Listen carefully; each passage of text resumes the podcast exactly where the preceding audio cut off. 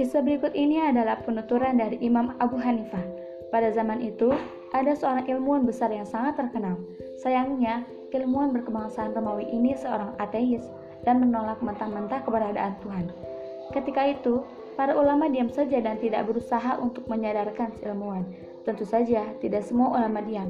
Masih ada yang peduli dengan keadaan tersebut. Hal ini bisa berbahaya jika membiarkan si ilmuwan memengaruhi akidah umat. Ulama yang dimaksud adalah guru Abu Hanifah yang bernama Hamad.